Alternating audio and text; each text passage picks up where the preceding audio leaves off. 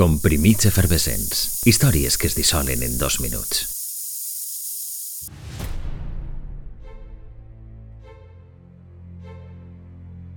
Per a ser honestos, resulta ser un pas decepcionant. Segurament per l'excés d'expectació arran de l'anterior visita el 1910 quan molts pensaren que era la fi del món i es multiplicaren els suïcidis. Alguns conten que el cel fou un espectacle molt lluny del decebedor trànsit del 1986. Un 11 d'abril arribava el seu punt més pròxim a la Terra, el cometa Halley. I efectivament, a mitjan de la dècada dels 80 el món no assistia a focs d'artifici, però sí tingué l'oportunitat de conèixer-lo amb més profunditat gràcies a la tecnologia.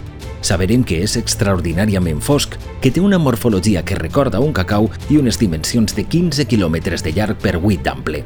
En acostar-se al sol escalfa la seva superfície i se sublima emetent una quantitat enorme de gasos que a la llarga acaben formant part de la seva característica cua brillant. Tot i que hi ha registres del seu pas des de l'any 239 abans de Crist, Edmund Halley va ser el primer en determinar que en realitat es tractava del mateix objecte que s'acostava de forma periòdica. Uns 76 anys, el període d'una vida humana. L'escriptor Mark Twain, que va néixer dues setmanes després de l'aparició del cometa, va vaticinar que moriria en la propera aproximació de l'astre. Twain morí l'endemà que el cometa torna a aparèixer. El pròxim pas s'espera per al 2061, 75 anys després de l'última, l'11 d'abril de 1986.